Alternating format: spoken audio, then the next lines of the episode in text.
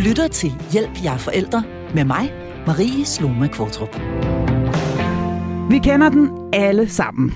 Når vi har glemt en kær vens fødselsdag, når vi ikke har fået ringet til vores gamle faster i alt for lang tid, eller vi kom til at opføre os helt urimeligt.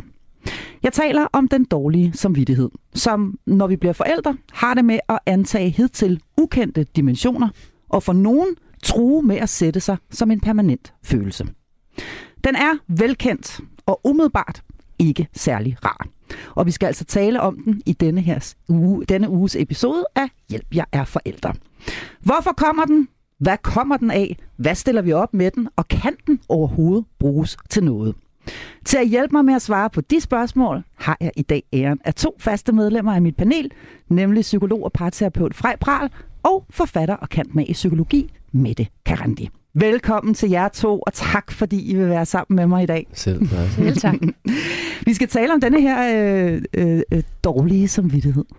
Øhm, og jeg, den, de fleste af os, må man gå ud fra, kender den udmærket. Jeg synes, vi skal starte med at lige få definitionen på plads. Hvad er den egentlig overhovedet for en størrelse? Vil I sige noget om det?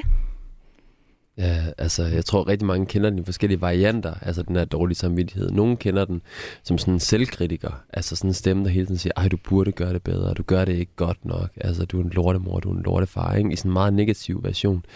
Så er der også nogen, der kender den mere som sådan en følelse, altså sådan en grundlæggende følelse af, at man, har, altså man kan bare mærke, au, au, au, det var ikke særlig rart det jeg kom til at gøre lige der ved mit barn, eller ved min partner, eller hvem det var. Altså en eller anden...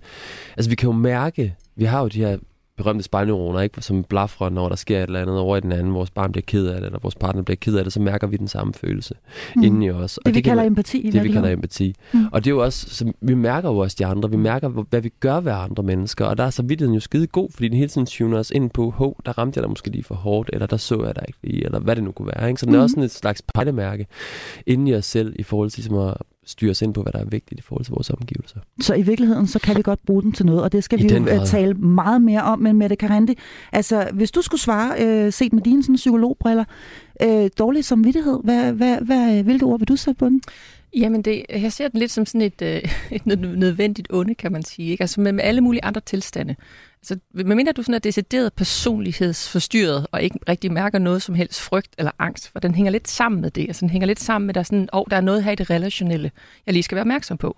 Sådan, der er en risiko for, at jeg kommer til at miste, eller jeg selv bliver grænseovertrådt, jeg kommer til at grænseoverskride andre. Så på mm. den måde kan den være et pejlemærke. Og så med, som med alle andre tilstande, så er den jo lidt i sådan en, en, en skala, kan man sige, fra en yderpol til den anden.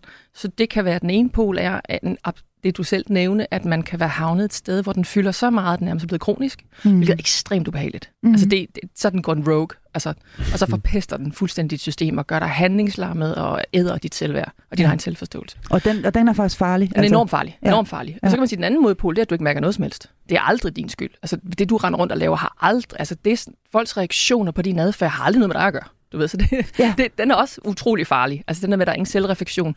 Du mærker ikke, at du kan sige, hov, hvis jeg siger, gør sådan, så bliver du faktisk ked af det. Nej, nej, nej, det er dig, der er noget galt med. Mm. Så lægger du altid skylden over på andre. Så den er også, så man kan sige, yderpolerne, med mindre det er i soveværelset. den der yderpoler meget godt. Så altså, ekstrem polarisering øh, er ret skidt men det er seksuelt, fordi at, at det bliver meget skarpt skåret op. Mm. Så man kan sige, det er også for rigidt at sige, at man skal lande lige på midten, men det er noget med at finde balancerende i den. Mm. Og så skal det også noget med at finde ud af, altså nogen har mere tendens til bekymring end andre, nogen har mere tendens til at, at, at, at, at hurtigt blive vækket i dårlig samvittighed, og der var mange oplever det.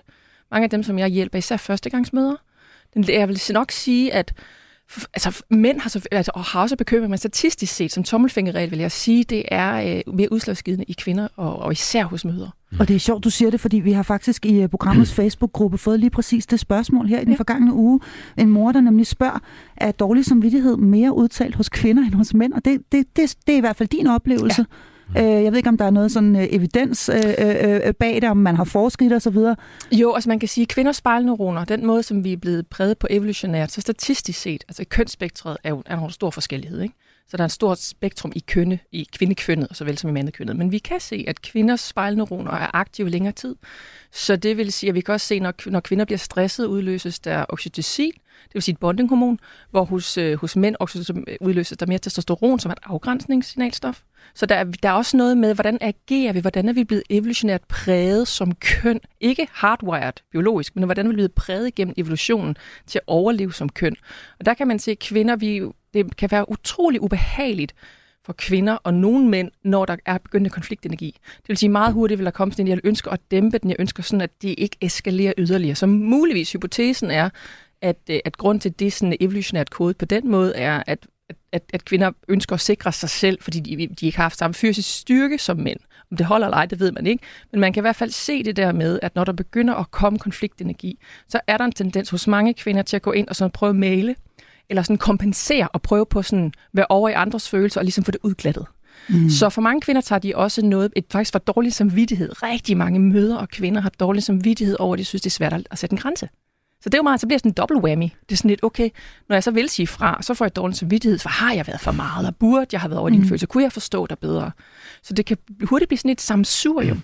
Så i, i det her spiller utrolig meget ind. Altså, der er både noget biologi, så er der, hvordan vi er blevet præget evolutionært i forhold til, til det at være køn, og så er der også en masse kulturelt pres. Mm. Altså, altså om, omverdenen også omverden. i virkeligheden, som, som, som presser os. Lige præcis. Det er sådan lidt, hvis du er en karrieremor, så er du en ravne mor. Hvis du gerne vil gå hjem med dine, dine børn, så er du en samfundsnasser, der bare render rundt derhjemme. Ikke? Så det, nogle gange er det også, altså der kan være enormt mange sådan, øh, kulturelle blikke på dig, i forhold til, hvordan du bør være. Men selv hvis du så prøver at tilpasse dig det, så er der altid nogen, der stadigvæk vil kritisere dig. Ikke? Mm. Så det kræver meget at finde ud af, hvem fanden er du, og hvornår skal du lytte til den dårlige samvittighed? Hvornår skal du egentlig mærke sådan, okay, nu kan jeg mærke den. Er der noget, jeg skal korrigere her i forhold til min adfærd til min partner, til mine børn, til mine venner, kollegaer, etc.? Eller er der noget, jeg skal tage ansvar for i mit eget liv? Har jeg dårlig samvittighed over for min krop? Hvordan jeg behandler den? Og andre gange er det en, nærmest en, en, en dårlig samvittighed, der er presset ind i dig. Altså som andre ønsker, du skal tage på dig. Hvor du egentlig er med at sige, nej, hell no. Så det den, kan, det den kan også være påført ja. af, udefra i Præcis, virkeligheden. Præcis, sagt. Øhm, alle mennesker har den altså i en eller anden målestok. Måske øh, har kvinder den mere end, øh, end øh, mænd. Jeg, jeg har lyst til at spørge, bliver den mere udtalt, jo mere ansvar vi får? Fordi jeg kan jo godt erindre mig fra, fra før jeg selv blev mor for snart mange år siden, mm. at, at den der netop, som jeg starter med at sige, dårlig som vi ah, oh, fuck, nu glemte jeg lige Tante Odas fødselsdag igen i år, og det var mm. ikke så godt, og så videre. Øhm, men, men, men denne her dårlige samvittighed, den, her jo, den bliver jo opskaleret til et helt nyt niveau. Ja. Er der en sammenhæng fra i pral mellem øh, ansvar og så dårlig samvittighed. I den grad, og jeg vil nærmere sige, at det også er en sammenhæng mellem skyld og dårlig samvittighed. Mm. Altså noget, som moderne forældre i den grad kæmper med i dag, det er skyld. Altså, hvordan håndterer jeg skyld? Og hvis vi skal forstå det, så bliver vi nødt til at forstå vores historie. Altså, i gamle, altså min svigermor, jeg synes, det er lidt en Hun har sådan en saying, hun siger nogle gange, hvis jeg er rigtig bekymret for mine børnebørn eller sådan noget, så lægger jeg det over til Jesus, siger hun. Altså hun mm. er meget troende. Og nogle gange så misunder jeg hende faktisk, at hun har den der tro. Altså mm. hun kan ligesom lægge det et andet sted hen over sin større kraft eller magt at gøre noget ved det her. Hun er ikke her over det længere. Men for langt de fleste af os, så er den der religiøse dimension der ikke længere. Så al skylden kommer tilbage til mm. os forældre. Vi indtager Guds plads. Det er os, der inderådet definerer vores børns fremtid og skæbne. Og det er ja. altså ikke noget, jeg bare sidder og finder på her. Sociologer har jo døbt det her begreb forældredeterminisme, som er en forestilling, mange forældre har, mm. at de eneråde ligesom er afgørende for deres børns skæbne. Og det er fra mit perspektiv alt for meget. Altså det er overhovedet ikke realistisk, at vi tager så meget skyld på os. Det er ikke virkeligt, at det skal være sådan, men det gør vi. Og så er det klart, det kan, det kan vi ikke holde ud. Og så er det, at vi får den her notoriske dårlige samvittighed, hvor vi hele tiden tænker, at jeg gør det ikke godt nok, jeg gør det ikke godt nok. Nu kommer jeg til igen at gøre et eller andet, som forstyrrer mit barns udviklingsbane på den eller den måde. Har jeg hævet stemmen, eller Præcis, øh, nu har de fået fast food fire dage i træk, eller altså der vil jo altid være et eller andet. Præcis. Altså jeg, jeg, øh, jeg, jeg kender det selvfølgelig godt for mig selv. Jeg skal jo lige skynde mig at sige, at vi har lavet et rigtig fremragende ja. program om netop for forældredeterminisme, hvor man blandt andet kan høre dig fra Pral, ja. og det er at finde som podcast øh, fordi det er et super interessant og meget relevant øh, begreb. Mm. Øh, men det her med den dårlige samvittighed, altså hvis man øh, hvis man tager øh, ansvar for sig for, for, for alt, kan man sige, og yeah. du også, som du er inde på, ikke kan sige, Signe Malene Berg fra vores panel siger Gud i vold, altså det yeah. her med, nu lægger jeg det ligesom over til noget andet, yeah. og så må det gå, som det går. Yeah. Jeg, jeg, it's out of my hands. Yes. Øh, men der vil jo altid være et eller andet. Yeah som forældre. Mm. Yeah. Man, at the end of the day, når man går i seng, kunne have gjort bedre. Præcis, det er uendeligt. Det er det der problemet jo. Det stopper jo det aldrig. stopper aldrig. Nej. Og, det er det, og den der viden, man kunne have opsøgt og fundet ud af et eller andet, ikke? den stopper jo heller aldrig. Ikke? Så man kunne hele tiden, der var en, en sten, man kunne have vendt, et eller andet, man kunne have gjort. Og det er ikke, fordi jeg siger, at man ikke har medskyld. Altså, det er jo, vi er jo begyndt at forstå endelig, altså historisk set, at vi forældre har en kæmpe betydning også mm. for vores børn. Selvfølgelig har vi det, men hvordan kan, den, kan vi have med den skyld at gøre, så den ikke bliver overvældende og handlingslammende mm. for os forældre? Det er jo det, der er hele problemet. Og der tror jeg, altså nu ser vi jo diagnoser for eksempel komme frem, og hvis jeg, altså jeg kan huske, jeg har været enormt diagnosekritisk i lang tid, fordi jeg synes, åh, man så jo ikke de invitationer, der lå i barnets adfærd. Det pegede jo på et eller andet, ikke? og det kan også godt være en risiko, man overser det ved at gøre barnet til problembæreren. Men diagnoser har faktisk noget sandt i sig, og det er jo, at vi forældre ikke bare er alene skyldige. De kigger jo netop på, at barnet har måske nogle neurologiske særligheder, noget det faktisk er født ind i verden med, mm. som vi forældre faktisk ikke ligesom har kunne gøre noget ved. Mm. Og det tager jo på en måde en for stor skyld af forældres skuldre. Og på den måde er det jo super godt. Eller mindfulness, der ser vi det også, ikke? Det, hovedingrediensen i den bevægelse, som har vundet indpas så mange steder, det er den her ikke-dømmende opmærksomhed. Mm. Kan vide, hvorfor vi har så meget brug for en ikke-dømmende opmærksomhed? Det har vi jo nok, fordi vi dømmer os selv for alt for meget mm. i dag. Og hinanden. Vi dømmer Og jo, øh, hinanden, og vi, vi, vi, præcis. vi, vi dømmer jo øh, også en, øh, hinanden. Den dårlige samvittighed, den bliver jo påvirket af samfundets normer, kan man sige, den bliver jo altså også påvirket af, som du siger fra Pral, at jo mere vi ligesom ved, jo mere oplyst vi er, jo flere radioprogrammer vi lytter til, og bøger vi læser osv. øh, nå jo, men altså, øh, jo mere be- bevidste er vi jo også om mm. vores øh, forældreskab, om mm. vores roller, om vores ansvar, øh, og øh, det er vel i virkeligheden et tvækket svær, eller hvad, yep. Yep. Mette Karandi? Altså, nogle gange kan man jo godt have lyst til bare at lukke ned for hele muligheden, og så sige, nej, nu, nu vil jeg simpelthen ikke uh, høre mere. Er vi, er vi kommet øh, for langt væk i virkeligheden fra vores sådan intuitive forældreskab? Altså det, der bare sådan føles naturligt. Mm. Og er vi for meget op i hovedet i virkeligheden? Jamen, du rammer jo øh, virkelig et, øh, et, et, et, et paradoks her, fordi ja, og det, og, og det er jo så interessant, at når man så godt... Øh, også hele det her med at tale om sådan det naturlige forældreskab, hvad fanden er det egentlig? Og sådan noget. Altså, hvad, hvad er naturligt, og hvad er instinktuelt, og hvad er hvad? Det hele Ja. er sådan en stor suppe, ikke? Og hvad er nordisk og sådan Og noget? ja. Altså, ja, det er meget, meget, meget svært at finde ud af. Er sådan, hvad fanden, hvad fanden er det? Hvad fanden er det helt for noget? Du ved, så det, det, jeg, det, jeg plejer, når jeg hjælper øh, kvinder, det er sådan, og der er netop, fordi det er især kvinder, der kommer og nær er sådan et sted, jeg kan ikke, jeg er, når de er fuldstændig overvældet af sådan mental load og, og, og bekymring og sådan noget, jeg kan ikke gøre noget godt nok. Mm. Og så er nogle gange så far du er vild, fordi lige nu har du så meget information tilgængeligt, men problemet er, at hvis du googler, øh, hvordan får man barn til at sove, ikke? Jamen, så har du lige fra, at øh, barnet må aldrig nogensinde græde, til du skal bare gå for dit barn, når dit barn græder. Altså, hvad, hvad Ja. fanden skal du stille op med det? Ja. Og hvis bliver jo- barnet kaster op af ulykke, så er det så bare tage opkasten af. Men der er stadig værd at tage barnet op. og barnet sover stadigvæk ikke. så du er helt ude af skide. Og det er jo det her med, at du skal navigere i det her. Og, Ja. ja. og, og der er kunsten, at det eneste, du kan gøre, det er faktisk at begynde at sige, sådan, hvornår skal jeg søge information, og hvornår skal jeg ikke? Altså, Og, hvornår, og, og, hvor, hvornår og hvor skal jeg jeg... vel også, og hvor skal jeg Ja, søge dem hvor henne? fanden skal jeg søge Ja, Ja, hvordan skal ja. jeg søge dem, og hvad, og hvad, hvad skal jeg gøre med dem? Altså, jeg kan Ja. godt lide det her billede med, altså, jeg kan huske, en eller anden sagde på et tidspunkt, se det som ledestjerner, altså se det som sådan nogle navigationspunkter, fordi ofte så, altså, vi bliver nødt til at se forskellen på vores bevidsthed, vores intellekt og vores nervesystem. Det er to forskellige ting. og mange tror jo, altså det er derfor, vi ser igen og igen, altså jeg har lige lært det der, jeg har lige læst det der, ikke? og så gør jeg igen det, jeg bare ved, jeg ikke skal gøre. Ja, præcis. Altså, Det er ikke noget at gøre. og det er fordi, at de to systemer, og de fleste forældre ved det ikke det her. De ved ikke, at det er to vidt forskellige systemer. Mm. Vores nervesystem, det er blevet formet igennem altså hele vores øh, opvækst, barndom, og vi er blevet født ind i verden med Og noget evolution. også. Ikke? Og evolution. ikke? Altså det er Ja. noget, der har så mange millioner år på banen. Og det ændrer sig ufattelig langsomt. Meget, altså det går langsomt. virkelig Okay. langsomt. Så det kan man ikke overnight, fordi man har læst en bog. Nej, Overhovedet ikke. Men det, din bevidsthed kan jo pludselig Ja. lære en hel masse ting og forstå, åh, det nye børnesyn. Wow, man, vi skal også huske at rumme og møde vores børns følelser. Yes, det giver Og mening. mindre. Og råbe mindre. Vi forstår det hele intuitivt jo ikke. Det Ja, giver ja. mening. Men Ja. vores, resten af vores system følger bare ikke med i det tempo. Og så Ja. kommer den her dårlige samvittighed jo ind med det samme, ikke? Fordi jamen, jeg ved det jo godt. Jeg, Jeg har ikke lyst til det. at råbe. Ja, og jeg har ikke lyst præcis. til det. Men Lige der er noget andet, der præcis. tager over i mig. Ej, hvor Og kan jeg hvis man- genkende det.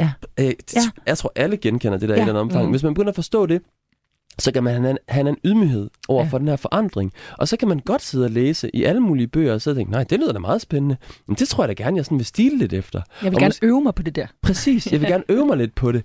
Men altså, uden at skulle slå mig selv oven i hovedet for det, fordi jeg kan ikke forvente, at nervesystemet følger med i det tempo, bevidstheden har. Så der er følelser altså bare noget andet, end at skulle ja. være så græsk, eller øh, matematik, eller Præcis. et eller andet andet, hvor vi intellektuelt kan tilegne os noget og sige, nu skal jeg op til eksamen den og den dato, og der skal jeg altså kunne mit pensum. Præcis. Det kan man ikke på samme måde gøre, når vi taler om, øh, om, ja. om følelser. Øh, er, det, er det det, jeg hørte dig sige? Jeg tror, jeg både med det som min dybe erfaring, også med at arbejde med mennesker. Ja. Det, ja. Når jeg rådgiver nogen, og, jeg netop, og de har et mønster, som siger, jeg er så ked af det her, det er så destruktivt. Det her, det giver mig så dårlig samvittighed og så meget skudfølelse. Vi har alle nogle mønstre, som vi er virkelig trætte af. Men jeg gør det alligevel. Og jeg gør det alligevel. Og de så kommer og siger, hvad, hvad, hvad, hvad, hvad fuck gør jeg? Og der starter altid med at sige, fint, så har vi fokus på det. Og så starter vi med at lave adfærdsændring i det. Det vil sige, hvis du forestiller dig, at du har 100 situationer, hvor det der løber afsted med dig. Når du kan holde bevidstheden til, at du én gang ud af de 100 gange gør noget andet, drik noget champagne og fucking fejre det. Ja. Så øver, og så op på hesten igen. Ja. Så er der 99 gange, du skvatter i vandet, men så er der én gang, så begynder du at danne et nyt neurologisk netværk til at gøre noget andet. Og så går der måske en måned, så er det op Jeg trækker faktisk været lidt, uh, lidt, lidt dybere, ja, bare du siger det der. Okay, så, så, så svært er det faktisk at bryde øh, mønstre. Det er svært. Men det er fordi, men altså, det er jo også fordi, der jo også er, og det er meget med det jo selv, på vores måde skyldige også, ikke? men der er også, vi har, der er også en selvhjælpsindustri, der på en måde også har brug for at tilbyde easy fixes, ikke? Mm. altså for at vise, det er bare, at jeg gør det her, så er det videre, ikke? Altså, så, så, så, hjælper det. Du skal bare altså, sign op til det her newsletter. altså, præcis, præcis. You're gonna get the secret. ja, præcis. Så kører det, ikke? Altså, der er sgu ikke særlig meget salg i at sige, altså netop at sige, okay, hvis du bruger 10 år, ikke, så kan det være, at, at du ser et eller andet. Altså, det gider man jo ikke. Det skal ligesom være hurtigt. Så er børnene flyttet hjemmefra. ja, præcis. Det er flyttet fucking hjemmefra. Ja. Ikke? Og så er det for sent, og så kan man sidde og være, føle sig skyldig over, men ikke noget af det, men de stadigvæk ja. boede hjemme. Og jeg, jeg kom tilbage og sige til dem, det var det, jeg gerne ville have gjort. Ja med dem. Og jeg tror bare, og det er jo klart, når man så tilbyder de der easy fixes, ikke? eller det er ikke, man tilbyder, men man præsenterer det i en eller anden form, hvor i hvert fald man får som forældre det indtryk, at det her det er et easy fix, så er det jo klart, at man sidder og tænker det. Og så jeg tror bare, det, altså hvis man kan begynde virkelig, altså fra et forandringsteoretisk perspektiv, der bliver vi bare nødt til at have den her langsomme, mm. langsomme, langsomme, langsomme fremgangsmåde. Men det har vi ikke tid til, for de bliver jo større og større, de her børn. Altså, det lyder jo fint nok, I sidder der altså, ja. i, i jeres øh, psykologtårne der, nej, og nej, siger, nej, at det tager lang tid. Men prøv ja. nogle gange at høre her, inden vi tæller os, jeg tænker os om, eller ja. når at tælle til 10, ja. så kører der en 3x34 ned ad gaden, og så er de flyttet hjemmefra. Ja, men det man kan. Altså, det, det, fordi det er ikke en overspringshandling, fordi det er det der langsigtede, og det arbejder man med hele tiden. Ja. Det jeg kan høre, der hvor, når jeg, som et, som et mønster kan jeg se, der hvor mennesker er mest såret. Altså, hvor de er blevet mest ødelagt. Det er ikke det der med, at man har fået en røv, eller man har fået en lussing. Og det er overhovedet ikke, fordi jeg siger, at vi skal give røv fuld af lussinger. Altså overhovedet ikke. Så det skal, vi, det skal vi holde os Nej, fra. Nej, det skal vi passe men, på med men, at sige den slags. Ja, det må man endelig Det må man ikke. endelig ikke. Så det, det, men, men det, jeg kan se, så det er ikke fordi, at også det, der bliver råbt af, er også forfærdeligt. Altså, alt det, der er forfærdeligt, så det, det vil, vil vi undgå. Men det, som de sidder og siger, der gør vanvittigt ondt, det er faktisk, når forældre ikke har formået at tage ansvar for de gange, de er kommet til at blive grænseoverskridende. Altså, hvor de er kommet til at råbe højt, eller de er kommet til at ruske. For vi skal ikke havne der, Nej. men nogle gange gør vi det. Ja. Og det og der med, når vi altså, ikke hvis må... der er noget, der kan give dårlig samvittighed, så er det jo lige præcis det. Er, ja, og når at, vi, at man faktisk skal komme til at flyne ud. Ikke? at man er kommet til at flippe fuldstændig, mm. lige præcis at gøre det, som man ikke vil gøre. Mm. Og problemet er, at, at det, der det, det skaber i barnet, er en chokrespons. Og det gør det også i den voksne. Og det, der så sker, det er, at lige så sådan, at den voksne er i vrede, og det vil sige, at hele hjernen er summer i vrede, øh, og simpelthen aggression og, og, og stresshormoner. Og lige der kan man ikke se barnet. Når, den, når, når hjernen er nervøs, så butter op igen, så ryger man direkte i skyld. Og det handler faktisk om, hvad vi gør der. Fordi mm. hvis vi kan gå tilbage og rydde op og sige, okay, jeg kan se, jeg kan se du bliver, jeg forskrækket dig. Og at barnet får lov til at blive vred på os, og får lov til at råbe af os, eller får lov til at kravle op i vores farm og sige sådan, du må ikke råbe af mig. Nej, det kommer jeg til. Mm. Altså, vi, vi er nødt til at tage det fulde ansvar, når vi flipper skråt. Mm. Fordi det at høre folk sige, når de er rigtig såret, det er det der med, mine forældre sagde aldrig undskyld. Nej. Altså, det var bare sådan, jeg anede ikke, hvad der var foregået, og så sad jeg bare inde på mit værelse, ja. og så ligesom om systemet bare siger sådan, du ved, det er sådan, det stivner. Mm. Og så er mor far sådan, hm, hm, nu kan vi købe is, mm. eller, jamen, jeg var også sur, men det var også fordi, du opførte dig sådan. Altså, vi, mm. altså vores forældre, og tilbage i tiden, har man ikke lært at håndtere den enorme skyldboble, der ligger. Altså, det er enormt ubehageligt i nervesystemet at føle, at man har grænseovertrådt og været voldsom over for, for dem, man elsker mest. Mm. Det er simpelthen noget af det sværeste som menneske. Og derfor har vi ikke lært at håndtere det. Hvis vi kan håndtere det, altså så kan relationen fandme holde til alt. Altså. Og det er jo faktisk en af dine kæpheste fra Pral. Du har sagt det mm. rigtig mange gange efterhånden i det her program. Det her med, at vi som forældre skal være, skal være bedre til at sige undskyld og, mm. og, og reparere bagefter. Mm. Og så kan man i virkeligheden, jeg vil ikke sige tillade sig, men man kan måske læne sig en lille smule mere tilbage, slappe lidt mere af, og ja. måske være lidt mere sig selv. Ja, ja. Øh, fordi man, vi er alle sammen bare mennesker, ja, det, og, vi, det. Og, vi, og vi kommer til at være dumme. Men der, der, og der er flere ting i det, det er helt præcis det med det, hun siger, det er jo det, det hele her, altså den der ensomhed, som man har siddet med som barn, altså mm. før i tiden, ikke, og tænkt, det er mig, der er en forfærdelig lorteunge, ikke, og jeg kan ikke, altså det er jo det, vi kan hjælpe vores børn med at slippe af med i dag, ja. ved at tage ansvar for det bagefter. Og det er jo det, netop det, vi kan, fordi nervesystemet, som er så gammelt, og som gør det, som det nu gør, gør når det er presset, det gør bare, som det gør. Mm. Men når det, vi netop er i fredstid, når det er stillet af igen bagefter, så er det, vi kan bruge den her information ja. til noget. Ikke? Så er det, vi kan gå over og reparere. Så er det, Præcis. vi kan gå over og sige, hov, det var lige mig. Men der vil jeg også sige, selv den proces, hvor jeg går over og tager ansvar, den forudsætter også, at jeg har den der overbærenhed med mig selv, og en forståelse for, selvfølgelig kommer jeg til at gøre det her. Mm. Altså det er klart, at jeg kommer til at gøre det. Der er ikke noget i vejen med mig, fordi jeg kommer til at gøre det. Fordi hvis jeg ikke tænker det, så er det, jeg kommer til at lægge mig på en grædende knæ mm. og sige, ej, jeg er simpelthen så ked af det, jeg skulle aldrig have gjort det, det var helt jeg forfærdeligt, jeg er en lortemor, ikke? Og så bliver jeg bare ned igen sådan, shit, man, jeg har, min mor har virkelig gjort noget forfærdeligt ved mig, eller jeg har virkelig gjort noget forfærdeligt ved hende, siden hun er kommet i kontakt med sådan nogle voldsomme følelser. Nu har jeg fået min mor til at græde. Nu har jeg fået min mor til at græde, ikke? Altså den der, og det kommer vi også til, men det er bare for at sige, selv reparationen mm. forudsætter også, at jeg virkelig har en forståelse af, selvfølgelig kommer jeg derhen. Mm. Altså, fordi så kan jeg reparere på en god måde. Ja. Men hvis jeg, hvis jeg igen banker mig selv oven i hovedet, så er det ubærligt for mig at knytte an til det igen. Fordi så skal jeg jo kontakt med det igen. Så skal mm. jeg igen over til min barn og sige, det der, som jeg overhovedet ikke holde ud af gjorde, prøv at forestille jer det. Mm. Altså, man har jo ikke lyst til at genbesøge det. Altså igen, Nej. før jeg går over. Så, det var virkelig noget, åh, lort, det ja. i gang. Ja. ja. Men, det, men det kan jeg sgu godt genbesøge, når jeg har det sådan lidt, ja, sådan er jeg også. Men altså... i virkeligheden er det jo lidt ligesom at være, øh, det er i hvert fald min egen oplevelse øh, i mit eget sådan forældreskab. Mm. Nogle gange kan det næsten sammenlignes med at være på slankekur. Det eneste, du ikke må få, det er en, øh, det er en, øh, en, en, en flødebolle, og det eneste, du tænker på, det er flødeboller. Og, og, og, og, og man kan jo faktisk få det sådan, jeg må ikke råbe, jeg må ikke råbe, jeg må ikke råbe, eller jeg, altså, hvad, og, og, så, og så råber man bare for, altså, til sidst. Fordi jo mere i virkeligheden fokus man retter yes. hen imod øh, øh, der, hvor man føler sig utilstrækkelig, fordi det er jo, altså meget af det her handler jo om utilstrækkelighed. Ja. Følelsen af mm. ikke at være nok, ja. eller være god nok, eller være lige så god som de andre.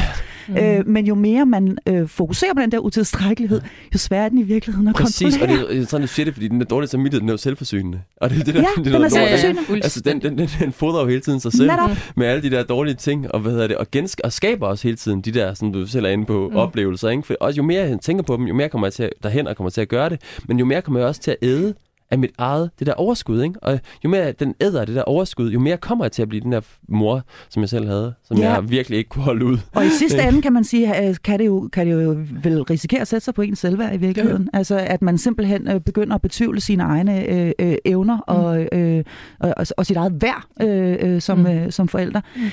Vi... Øh, har en tendens til, og, og igen, jeg må sige, jeg kan klokkeklart relatere, at, øh, at når vi rammes af denne her dårlige samvittighed, som jo er det, vi taler om her i denne her uges udgave af Hjælp jer forældre, øh, så har vi en tendens til at øh, ikke bare øh, måske ville reparere, men også at kompensere. Mm. Og, øh, og, og jeg ved ikke, hvordan det ser ud hjemme i andre familier, men jeg har sådan et eller andet med, at øh, hvis jeg har dårlig samvittighed, så skal vi simpelthen hygge os rigtig meget. Ikke? Altså, og så er det sådan noget med, så er der simpelthen blandt selv slik fra alle hylder, og hvad kunne I tænke jer, og sådan noget der. Og ved du hvad, og vil du rigtig gerne have den t-shirt, så får du også det, eller hvad det nu er. Altså, jeg kompenserer øh, med det, som jeg så nu engang kan, og har det været en lidt for lang arbejdsuge, man har været lidt for længe væk, jamen, så skal den have ekstra gas, når vi rammer øh, fredag aften. Hvad er det for en mekanisme, øh, vi, vi, øh, vi, har, vi har i spil her, den her kompensationsmekanisme, øh, og, øh, og, er, og er, det, er, den egentlig, er den egentlig okay? Altså, eller hvad? Ja, man kan Eller sige, er det patetisk? Jeg tror, alle kan ikke genkende Lidt patetisk er det vel? Alle kan ikke genkende ja. den der. Og vi har ja. alle. Og jeg, ja. og jeg tror igen, som med den dårlige samvittighed, så er det, altså, den, den er bare. Om, om, og, så, og så er det den enkelte kontekst, om den bliver for meget at gå en rogue, eller mm. du ved, et eller andet. Ikke? Så det første er med at sige, at den er der. Vi kan alle sammen genkende, at der ryger lidt mere øh, godter ned i posen, hvis vi ligesom ikke rigtig synes, at vi har været der nok for vores unger. Ikke? Mm. Præcis. Øhm, og, og, og, og, og fred være med det. Så kan du selvfølgelig sige, jamen, er det det eneste, vi har i skuffen? Altså er det det eneste, vi har til at sige, når men jeg arbejder 80 uh, øh, timer om, om ugen, og ser aldrig mine børn, og så prøver jeg du ved, at bribe dem med slik øh, og tøj. Ikke? Jamen, så går det selvfølgelig galt. Så på et tidspunkt får du nogle unger, der kommer og siger, hvor fanden var du i min barndom? Og så skal du kunne holde, så skal du kunne holde den dårlige samvittighed der, uden at lash out, og bare sådan, Ider. Selv der kan du redde den og bare sige, du, du har ret. Jeg og var der ikke. Så det, jeg i virkeligheden gerne øh, vil hen til nu, det handler nemlig om det her med, at øh, når den dårlige samvittighed øh, måske går hen og bliver lidt for permanent, og hvad vi så i virkeligheden kan bruge den til sådan rent konstruktivt. Du lytter til Hjælp, jeg er forældre. Ja, og i ualmindelig godt selskab i denne uges episode af Hjælp, jeg har forældre her, hvor øh, jeg har øh, psykolog og parterapeut fra Pral med mig, og kan mig i psykologi og forfatter Mette Karendi, begge medlemmer af mit faste panel. Vi taler om øh, den meget, meget velkendte for os alle sammen, tror jeg, øh, dårlige samvittighed. Vi har forsøgt at indkredse, hvad det egentlig er for en størrelse, og hvorfor den opstår. Men nu skal vi altså se på, hvad vi overhovedet kan bruge den til. For vi kan nemlig øh, bruge den til noget. Den dårlige samvittighed er ikke altid dårlig. Minder den os om noget, øh, som vi har brug for at blive mindet om fra Pral øh, nogle gange? Kan, kan den i virkeligheden, nu var du lidt inde på det før med det, kan det i virkeligheden være sådan en, ved du hvad, nu fyrer du øh, øh, blandt selv slik og, og, øh, og, og, og måske øh, nyt tøj og alt muligt andet øh, op øh, hver evig eneste uge og har gjort det rigtig længe. Mm-hmm. Ja. Så fortæller den os vel et eller andet. Det eller gør den. Nu lægger ja, jeg dig næsten ja, ord i munden. Ja, ja, det kan du tro, den gør. Ja. Jamen, det kan den jo godt, og det er der, man decifrerer, eller de budskaber, der øh, kan være indeholdt i den. Der er jo også mange møder, det oplever jeg. Altså, der er sådan to hvad kalder man det, lejre i det. Altså jeg synes, jeg, jeg har også snakket med mange møder, som faktisk altså, sidder på et eller andet arbejde med sådan en enorm knude i maven, skubber meningsløse mails rundt til mennesker, og kan egentlig ikke rigtig se, hvorfor de sidder der, har måske nogle små børn derhjemme, som de dybest set hellere vil være sammen med, men tænker også lidt, at det kan man jo ikke gøre, fordi man kan jo ikke, altså man skal jo arbejde, eller, og, hmm. altså sådan, og vi kan jo ikke rigtig råd til det, der har vi måske lidt, eller sådan, ikke, hvor der vokser sig et eller andet ind i maven, hvor de faktisk har en oprigtig lyst til at gøre noget andet i deres liv, måske skære lidt ned på arbejdet og være med hjemme for eksempel. Fordi de kan også mærke, at ungerne har brug for dem, og de har selv lyst til at være hos ungerne. Mm. Altså der tænker jeg jo, der kan samvittigheden, hvis man Helt begynder klassisk. at lytte ind i den, Helt klassisk, det er en ja. klassiker. Ja. Og der er der mange der, og der har vi også skabt et samfund med en adskillelseskultur, som gør, at man ikke bare automatisk tænker, at det kan lade sig gøre, eller det er en mulighed. Så det er også noget med samfundet at gøre, om man kan få lov til at lytte til den dårlige samvittighed, der, Ja. der ligger der. Ja.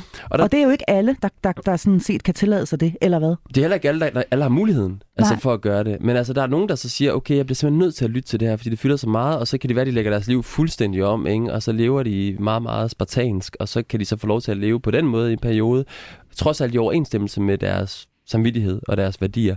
Der er så også andre igen, som, hvad hedder det, som får dårlig samvittighed over at arbejde, ikke fordi de dybest set har lyst til at være derhjemme, men fordi der er rigtig mange andre, der mener, at de burde være mere sammen med deres børn. Ikke? Ah, og det er jo en anden slags ja. dårlig samvittighed, ikke? Som, som, som, jo ikke, som man ikke nødvendigvis skal lytte til på den måde, man så skal handle på den, fordi så ender man måske derhjemme, men mega bitter over, at man har truffet det valg, altså man så har, Ja, har truffet, ja. og det er børnene jo heller ikke godt af, hvis det giver mening.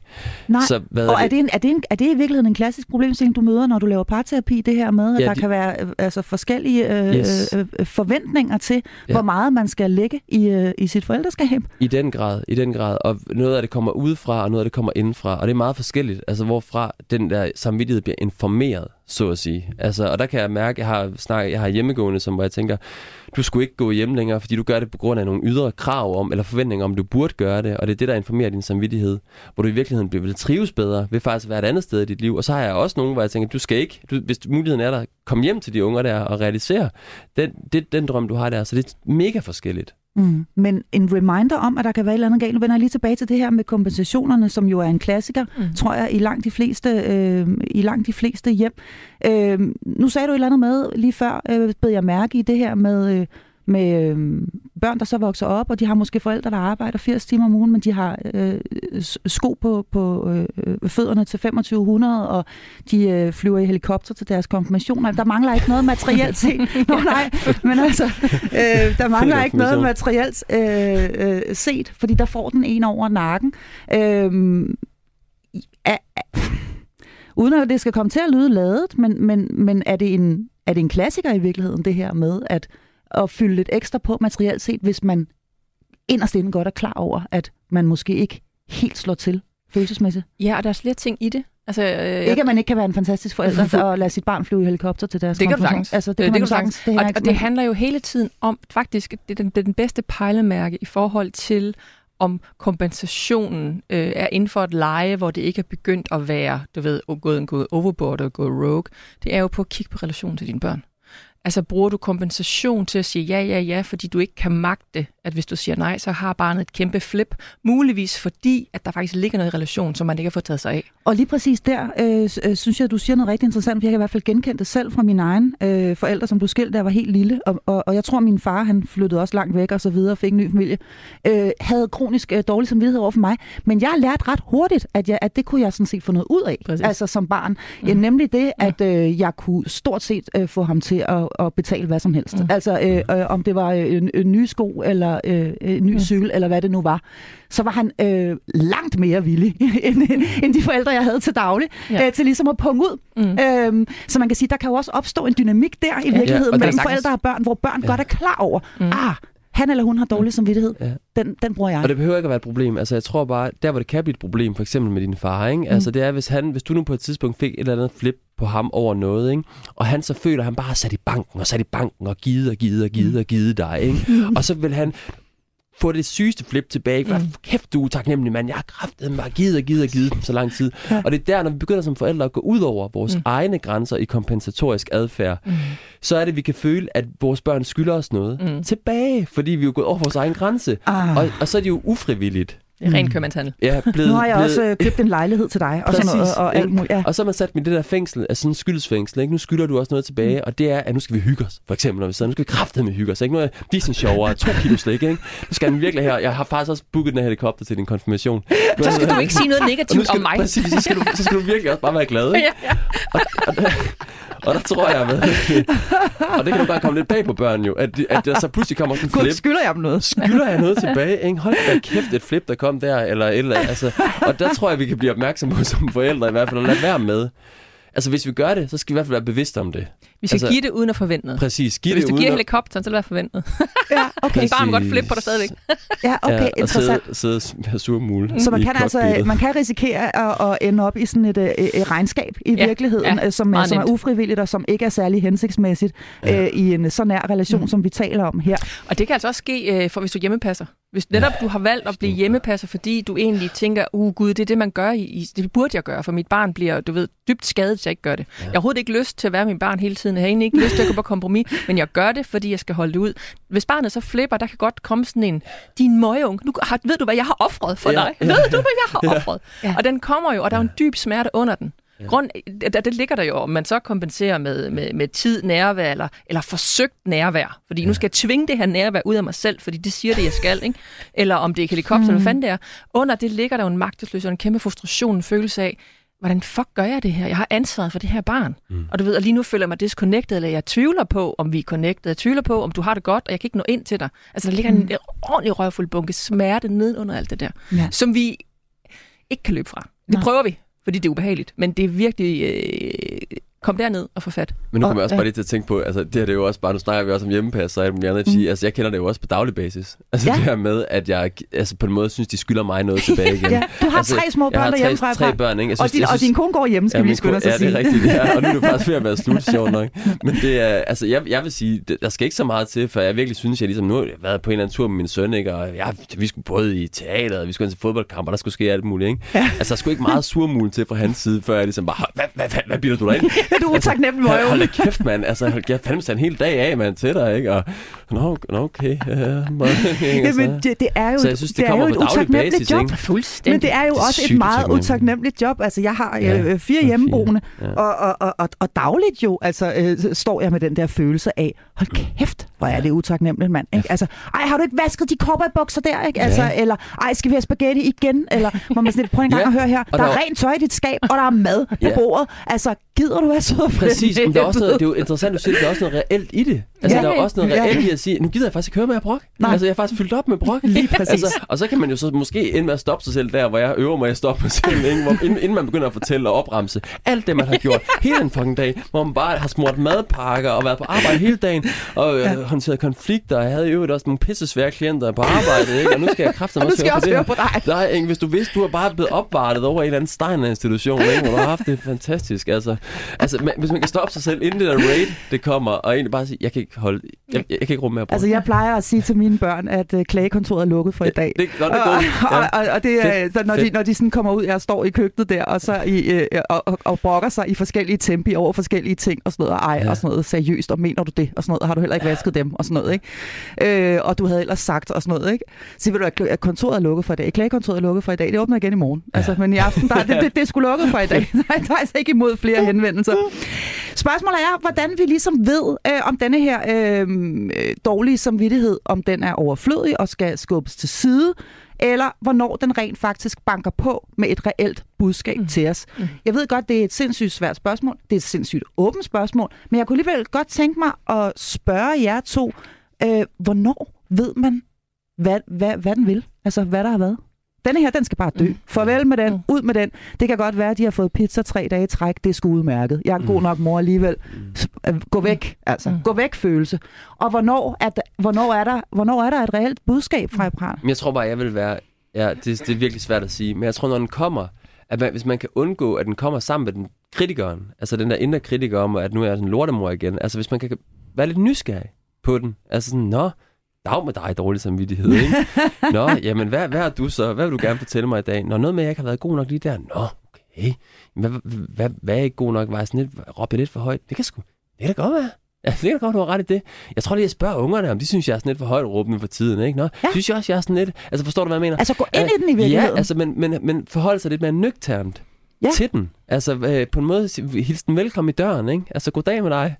ja. og så ja. prøve sådan at, at se, er der noget i den, ikke? Og så kan det også være, at man tænker, nej, jeg, synes, ej, jeg synes, du overdriver lidt dårlig samvittighed. Ja. Altså, jeg synes, og, og, i øvrigt, så kan jeg altså ikke ændre så meget på det der, for jeg har prøvet. Og de og, er gode, de pizzaer. Det er de, de altså. De, de, de der pizzaer, præcis. også på madpakken ja, dagen efter. Og lige læst, at de faktisk er næringsholdige nok, ikke? Ja, så der er alle mulige grøntsager på dem. Der var sgu da en gulerod ved siden af. ja, så smut du afsted med dig igen. Kan du sige noget om det her med det, Karin? Det, hvornår, øh, hvornår banker den på med et reelt budskab, mm. en dårlig samvittighed, som man faktisk skal tage alvorligt og ja. lytte efter? Ja. Og hvornår skal mm. vi bare øh, bede den om ja. at smutte? Præcis. Og fordi vi lever i sådan et samfund, hvor vi bliver bombarderet hele tiden. Det kan vi ikke mm. rigtig gøre noget ved, medmindre du flytter ud i en eller anden ødemark og ikke, og ikke gør noget. Øhm, men det, er også, det har sit eget bøvl. Ja. Så jeg, jeg plejer at sige det, både til mig selv og til andre. Okay, prøv at, når, når den kommer væltende, og du bliver i tvivl om, hvad for en skal jeg gå med, og hvad skal jeg bare skralde af? Hvad er dine hovedværdier? Du har som forældre, så er der nogle ting, som du ønsker at næle i forhold til dine unger. Der er nogle ting, hvor du ved, her ønsker jeg ikke at jogge for meget ved siden af. Det er det enormt vigtigt for mig. Mm. For nogen er det enormt vigtigt, øh, at, øh, at man ikke har købepizza. For nogen er det skide vigtigt, at ja. der ikke er købepizza tre dage i træk. Ja. For andre er det ikke vigtigt. Du ved, og for andre, så, så det der med at gå tilbage til din, hvad er det de allervigtigste i forhold? Og det kan være, det kan være tilknytningsbaseret, det kan være nærvær, hvad fanden det nu end er. Det er godt. Fint. Stil ind på det, og så finde ud af, det der kommer lige her, er det virkelig vigtigt? Er det noget, som har en dyb værdi for det menneske, jeg er, det menneske, jeg ved, jeg er? Godt. Så kan, du, så kan du begynde at sortere i det. Og så dem, som er vigtige for dig, så skal du følge dem. Altså man kan sige, noget af det, som er vigtigst for mig, øh, det har jo, jeg arbejder med tilknytning, også fordi ja, det er det, jeg fucket mest rundt i. Du ved, det er det, der var sværest for mig. Du ved så også, mm. det jeg nørdet mest i. Og derfor for, for, min, for mit eget forældreskab, så den her med min, min connection til min dreng og til mig selv. Altså når der er disconnect, så har jeg sådan lidt, når den dårlige samvittighed træder ind, så skal jeg følge den. Jeg er nødt til at finde, hvad, hvad sker der her? Er det noget, jeg tolker ind, eller er det det ikke? Nu er jeg blevet skilt, og det er så lang tid siden, men vi har faktisk først sådan virkelig haft brudet, hvor vi flyttede fra hinanden. Ikke? Og der kan jeg mærke, at han blev sådan, han gik, min søn gik ud i sådan noget, sådan, du flyttede langt væk i forhold til, hvor jeg bor sammen med far. Og det, han skulle køre, så var langt, og det var træls. Og der kunne jeg mærke, at komme sådan, det var det værste sted, han sådan ja. lige kunne, kunne trykke ind, og han skulle jo have plads til sine følelser, samtidig med, at jeg blev mega ramt. Mm. Og det her, det er sådan et menneskeligt mønster, så det er der, hvor du bliver mest sårbar, der kan du mærke, at du mest har lyst til bare hele dit system krymper sig. Det er der, mm. hvor der både er noget at gå efter, samtidig med, at du skal være opmærksom på, at det er muligvis ikke så galt, som du tror. Altså, jeg mm. kunne tolke alt muligt ind den der med, at nu har ja. jeg mistet relationen, og det er gået... Altså, du ved, så Han kommer alle, svigtet, ja, og, alle ja. mulige katastrofetanker, ikke? Ja. Og der er heldigvis gavet nok til at kunne stå i det. Både at vise min egen sårbarhed i det, og sådan, jeg gør det så godt, som jeg kan, samtidig med og også være sådan lidt, og du har ret til dine følelser. Du har ret til at synes, det er pisse irriterende, at vi skal køre hele vejen derhen, hvor dit andet hjem er. Fordi han skal forholde sig til den kæmpe omvæltning. Så det er den der balancegang, der er paradoxale sted, at når du følger den dårlige samvittighed, den er størst der, at det er sådan, at du, som er vigtigst for dig. Mm. Øhm, så der, der er både med at afbøde faldet, fordi ellers så kan du ryge down the abyss, og det er heller ikke ret, og så kan den sætte sig ind på en måde, hvor den overvælder dit system så meget, at du bliver handlingslammet. Så det, det er sådan et det er meget sårbart sted, men det der med, kan vi stå i det sammen med vores unger? Fordi når unger kommer ud af det der, jeg er vred over et eller andet, og vi lander den igen, så, så der, hvor vi kommer tilbage, og de kommer tilbage, så kan vi snakke om det her med, du ved, ja, om det så er en skilsmisse, eller du ved, store eksistentielle ting, som sker, fordi det er en lid, at du ja. ved, der kan være, det kan være, at far er død, eller mor er død, eller hvad fanden der nu sker, ikke? eller der har været et skænderi i familien, eller det kan være forskellige ting, der sker, som går ind og påvirker det, som der er vigtigst for os, hvor vi tænker sådan, okay, det her, det, det, det, det gør, gør noget i mig, fordi det påvirker dig på en måde, som også er svært for mig. Mm. Der vil den være størst. Og noget, og noget af det er vi jo, er, vi jo herover selv, kan man ja. sige, og noget af det er vi ved Gud ikke herover Præcis. selv. Andre gange er, er, er vi simpelthen nødt til at gå ned ad en vej, hvor vi godt ved, når nu... Øh, nu, nu påfører vi vores børn noget, noget smerte. Ja, altså, øh, og her taler jeg selvfølgelig i særdeleshed om, øh, om, om skilsmisse. Ja. Øh, fordi det, øh, det er jo rædselsfuldt ja, altså for enhver forælder at skulle øh, bryde ja. en familie op for sine børn Præcis. og deres trygge øh, base. Og der kommer bare øh, ekstra øh, turbo på den der dårlige samvittighed det i der. forbindelse med det. Præcis. Øhm, kan du sige et eller andet, nu har du selv lige været igennem en skilsmisse og så videre, kan du sige noget om det her med, med, med dårlig samvittighed og skyld og skam og sådan noget i forbindelse med at blive skilt? Altså skal vi, øh, skal vi, skal vi lytte til den? Eller skal vi øh, blive bedre til ligesom at sige, jeg har taget denne her voksenbeslutning, mm. fordi jeg skal have det godt? Mm. Øhm, og hvor vigtigt er det mm. i virkeligheden? for mit barn, mm. at, at, at jeg har det godt. Altså, ja. kan, kan, man, kan man få... Mm. Jeg har selv arbejdet en del med det der mm, med at få, at få, at få, lagt, øh, få lagt skyld og skam ind ja. på de rette hylder. Ja, og sige, jamen okay, alternativet, en mm. ulykkelig øh, ulykkelig mor, mm. et, et, øh, et dysfunktionelt mm. øh, øh, øh, ægtes, ægteskab, parforhold, mm Øh, det er det ene onde, og det andet onde mm. er så mm. øh, børn, som skal blive rigtig ked af det, mm. øh, og som skal øh, mm. øh, savne og undvære ja. og frem og tilbage og så videre. Men hele det skisme der, kan man sige, at langt over halvdelen af os Præcis. jo skilt. Ja, det er det. Øhm, og, det er, og det er den der med, at den skal tages ind, men den skal tages ind på en måde, hvor du, altså lige præcis, når det er sådan nogle store livsomvæltende ting, som hvor man kan sige, som forældre, så har man jo et stort perspektiv. Der har man et stort perspektiv, der hedder, jamen hvis jeg går ned ad den her vej, så kan jeg se energivejen i, hvis, jeg var, hvis man bliver. Du ved, mm. jamen, der er to mennesker, der begynder at blive mere og mere ulykkelige sammen. Det er jo ikke kærlighed, det er ikke en skid med kærlighed at gøre. Du ved, og, og, og børn vil bare gerne have, at familien er sammen. Så det der med, at de får landet i en overbevisning, at de får landet i at kan se på den lange bane, at det var nok hensigtsmæssigt, det har de langt ældre. Så det vil sige, der holder vi den der holder vi det ansvar for dem, kan man sige. Ikke? Mm. Fordi de, ikke fordi de skal komme i mål, men det er det her med, at, at vi er nødt til at... Som, det er jo det der ansvar, der ligger i at være voksen. Man har ikke altid lyst til at være Nej, det. det har man ikke altid ansvar, fordi du har sådan lidt... Jeg træffer faktisk nogle valg lige nu, mm. som er, er helt sikkert også for barnets bedste, men det kan jeg ikke nødvendigvis forklare dig. Nej. Så jeg er nødt til at stå i det, i når, det, når smerten kommer op i dig, fordi du tænker mere kort til, det gør et barn, det skal et barn gøre. Du ved, så er jeg nødt til at stå her, um, jeg forstår godt, du er i din smerte, du ved, men jeg står fast i min beslutning, fordi jeg holder stadig det længere perspektiv, at det her, det er bedst for alle. Og det er en sindssygt god pointe, vil jeg lige mm. sige, fordi det du også taler ind i med det, det der med, at børn ved jo godt umiddelbart, hvad de har lyst til. Ikke? Mm. De har lyst til, at mor og far de skal være sammen, ja. ikke? men de mm. ved ikke, hvad de har brug for. Nej. Det er noget andet. Nej. Og det er ligesom der, hvor du også siger, det langsigtede er jo, de har ikke brug for to forældre, der, er, er sammen, sammen. er ulykkelige sammen. Nej. Det har de ikke brug for. Så derfor, og det er jo der, hvor ansvarskasketten kommer på som mm. forældre, hvor vi kan se under den der, mm. hvad hedder det, umiddelbare lyst, de har til det ene eller til det andet. Men det er jo den, der er blevet så forbandet svær, fordi vi tænker, ved jeg så også, hvad det er, de har brug for? Mm. Ikke? Det er jo det, alle forældre kæmper med det spørgsmål. Mm. Det, det ved jeg jo ikke, fordi vi er så pisse usikre mm. igen, og vi føler os så forbandet skyldige, altså yeah. i forvejen. Så det er på en måde, den der grundlæggende overdrevne, vil jeg sige, skyld, vi har, gør det så svært at takle alle mulige frustrationer fra børn, fordi den taler direkte ind ja. i usikkerheden om, har jeg gjort det godt nok mm. som forældre? Så vi får så svært ved at håndtere den. Og der tror jeg, at hvad hedder det, altså netop at give sig mere hen til, okay, jeg er faktisk en voksen, og det kan godt være, at jeg ikke er helt sikker, men jeg har en fornemmelse af, hvad det rigtige er, og hvad de har brug for. Det giver mig hen til, sådan må det være.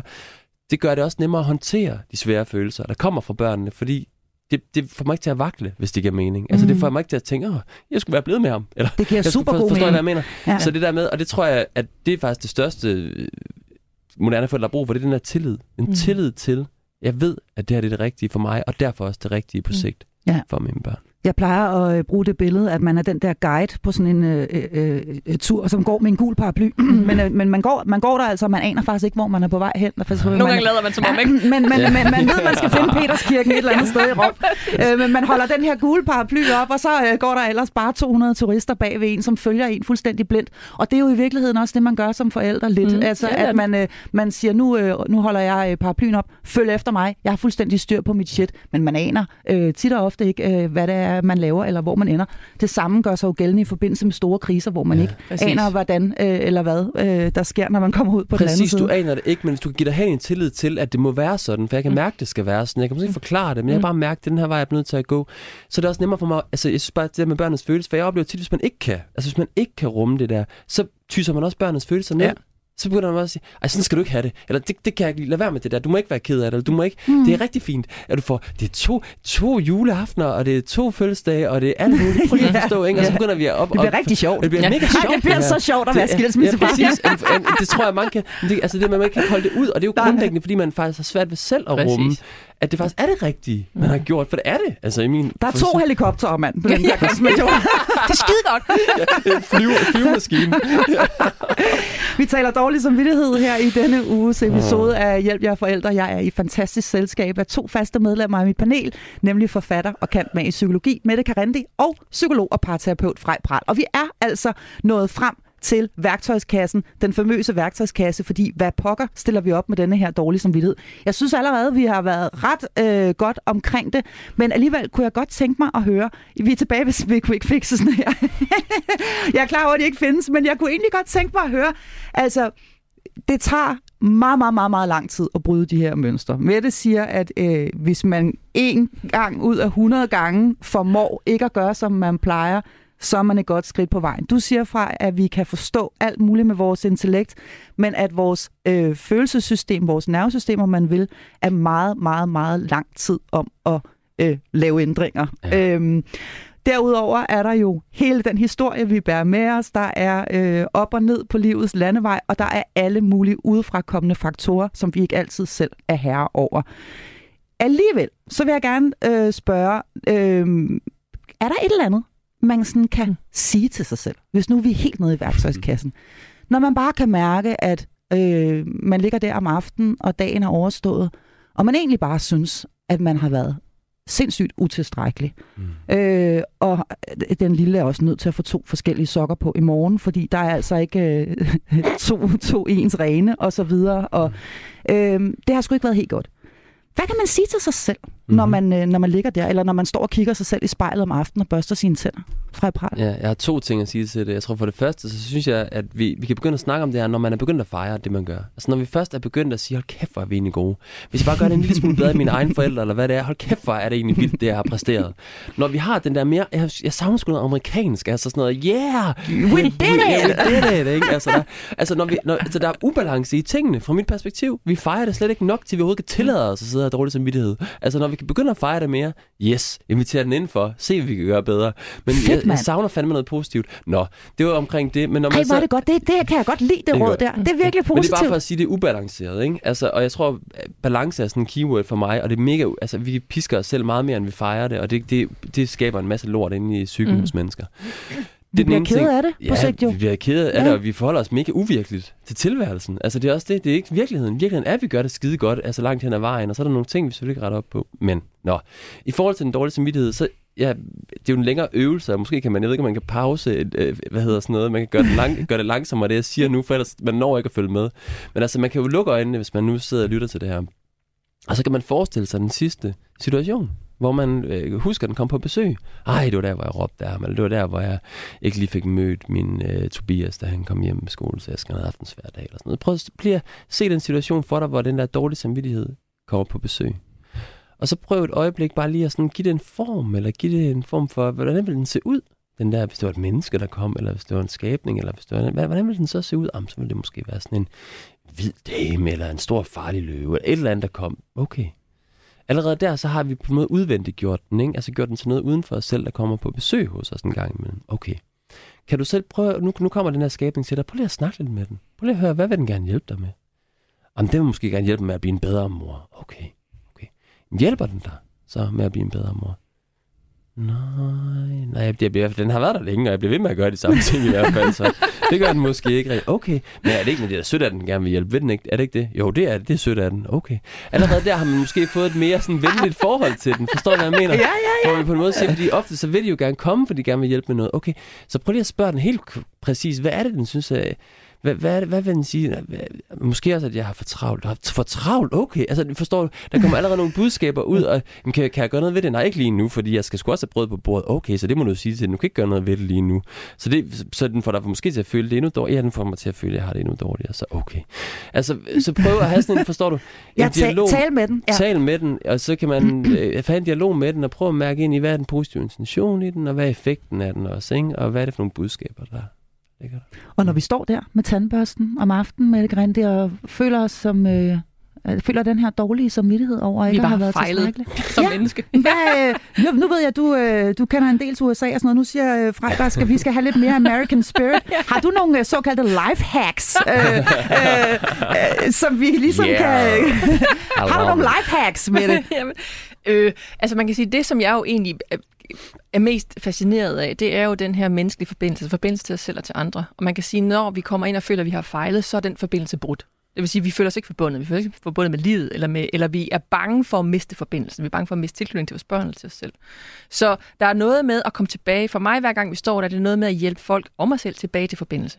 Så der kan man gøre forskelligt. Hvis du er fanget i et eller andet mental øh, loop, altså bekymringsloop, nogle gange kan du faktisk arbejde symptomatisk med det. Altså du kan tage et meget koldt bad, du kan sætte musik på, du kan simpelthen bevæge kroppen. Det vil sige, hvis du er stok Okay. i hovedet, så bevæge kroppen. Okay. Det her, det løser jo ikke, hvis du hele tiden råber. Men du kan ikke træffe beslutninger om, hvad du gør fremadrettet, når du står og føler dig som den værste failure.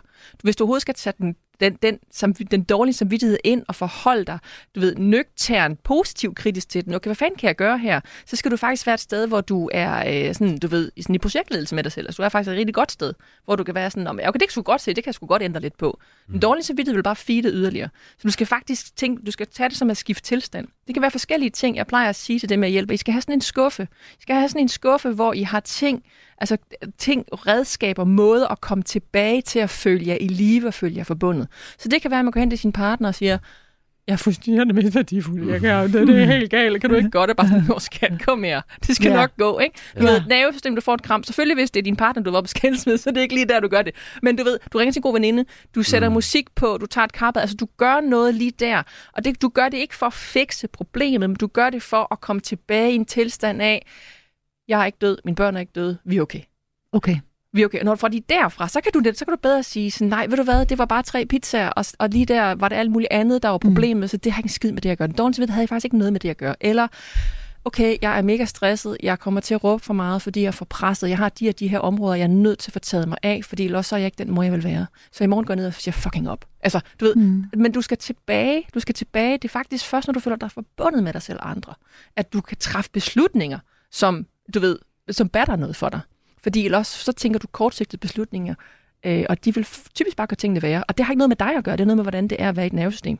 Altså, der er i kamp og flugt. Og det er egentlig lidt interessant lige præcis det der, ikke? Altså det der med at kunne dele det med en veninde eller med en partner, når man mm. har det svært. For der oplever jeg faktisk, apropos kønsforskellen mellem mænd og kvinder, at mænd har faktisk ofte dårlig samvittighed, men de deler den bare meget sjældent ja. Med deres kvindelige partner. Fordi de ved godt, hvis de først siger, ej, det var, jeg kom lige til at være lidt... Nå, nå, men altså, du skulle da måske også lige have... Eller, altså, hun kommer med gode råd med det samme til, hvad han skulle have gjort mm. anderledes i situationen. Og så bliver han totalt... Fordi hun bliver trigget i sin utryghed, ikke? Eller sådan, åh, åh, det sagde du bare ikke til ham, eller du råbte ikke, eller du gjorde ikke det der.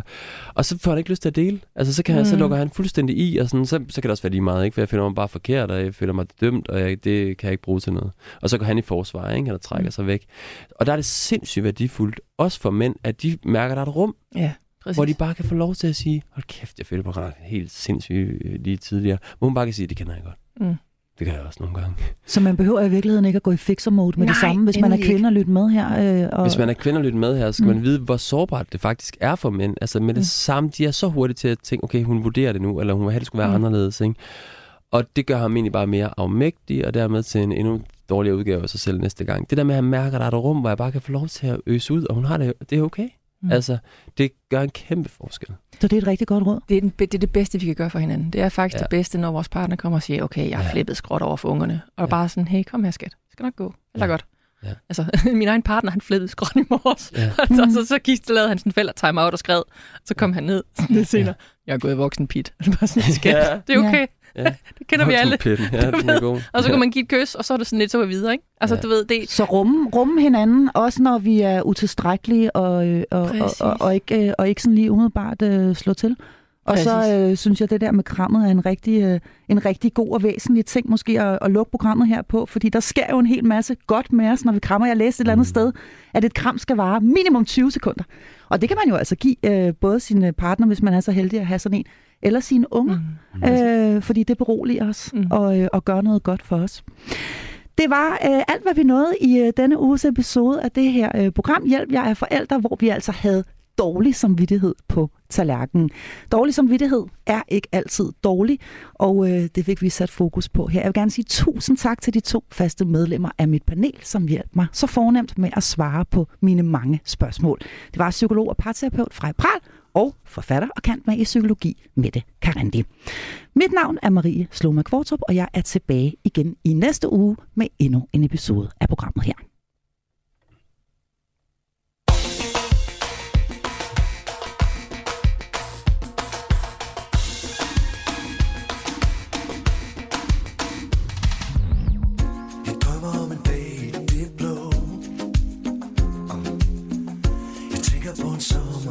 mr.